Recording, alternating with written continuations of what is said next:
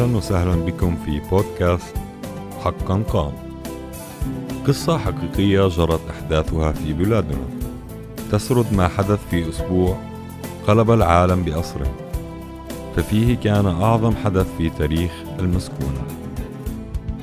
إنه أسبوع قسم العالم وحير البشرية ففيها صلب المسيح ورغم أن حدث قبل نحو ألفي سنة لكنه لا يزال يحير الكثيرون ويطرح ألف سؤال وسؤال. تابعونا لنشهد سويا لمحات من قصة الحب العجيب التي تجلت في الصليب في أحلى بيان مقدمة لكل إنسان دون فرق في العرق والدين واللغة. تعالوا لنسير مع السيد المسيح قبل الصليب وننظر معه نحو الصليب ونقف قربه عند الصليب. لنرنو إليه فوق الصليب فنحيا معه بعد الصليب.